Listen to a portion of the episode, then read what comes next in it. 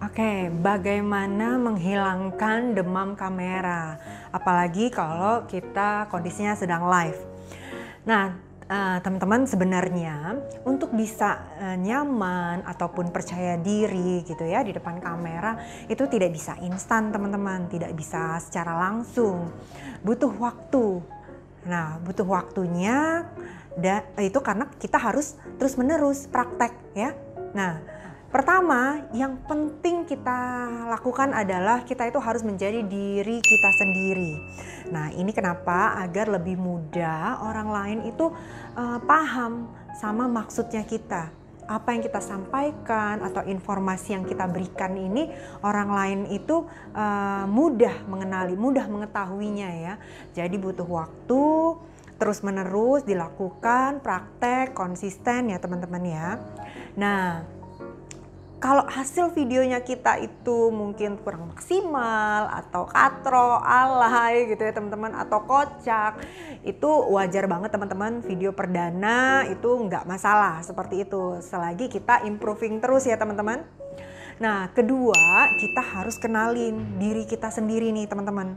Kita ini manusia punya uh, tipe, tipe yang berbeda. Ada tipe ekstrovert, ada tipe introvert. Nah, kenali dulu teman-teman ini tipenya apa? Introvert kah atau ekstrovert kah?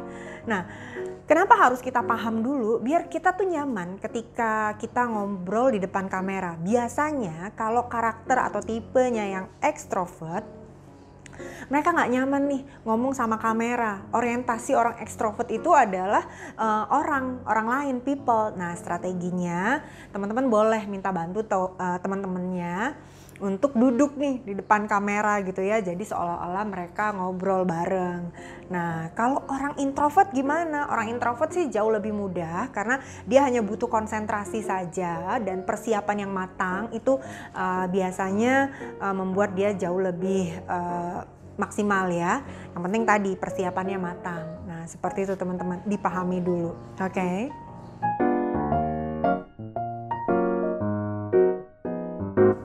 Lanjut bagaimana cara berlatih? Apakah harus di depan cermin? Nah, teman-teman sebenarnya semua uh, strategi boleh saja dilakukan. Yang penting kuncinya adalah praktek.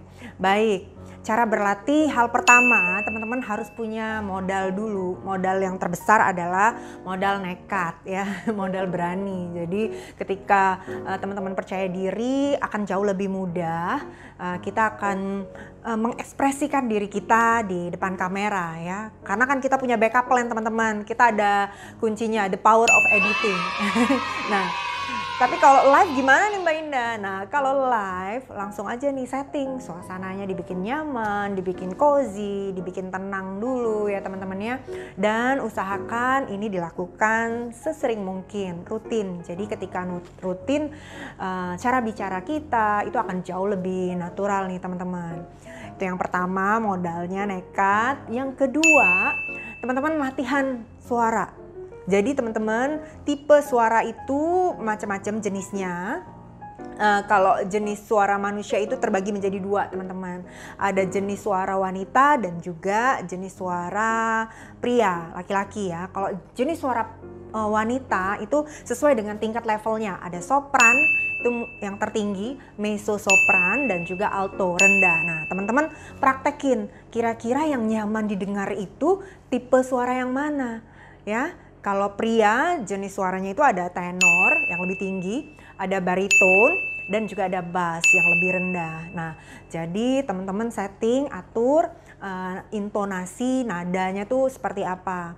Hal yang ketiga yang harus dilatih adalah latihan mimik wajah. Nah, ya uh, biar uh, teman-teman punya artikulasi yang baik. Jadi teman-teman juga uh, latihan senam wajah seperti itu ya. Teman-teman bisa lihat di YouTube gimana sih senam wajah.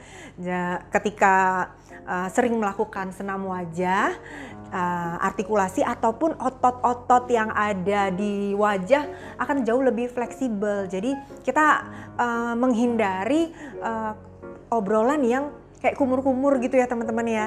Nah, jadi akan lebih aman, nyaman kita latihan mimik wajah. Lalu hal yang keempat adalah kita paham dulu nih paham sama kamera, kita harus tahu ya. Uh, biasa kita mau pakai tipe kamera yang seperti apa. Kan kalau kamera handphone bisa kamera tampak depan ya. Jadi anggap kamera ini adalah audiensnya teman-teman ya. Jadi uh, ajak ngobrol nih kameranya. Jadi akan jauh lebih uh, nyaman enak gitu ya. Dan perhatikan juga kapan harus senyum, kapan harus mengekspresikan mata, ya, mengekspresikan alis. Nah, itu teman-teman juga uh, harus tahu temponya sesuai dengan konten yang teman-teman sampaikan ya. Jadi kalau ada berita sedih ya sampaikan mimik wajah sedih seperti apa, bahagia gitu kan ya. Nah, itu uh, teman-teman boleh coba latihan mimik tadi.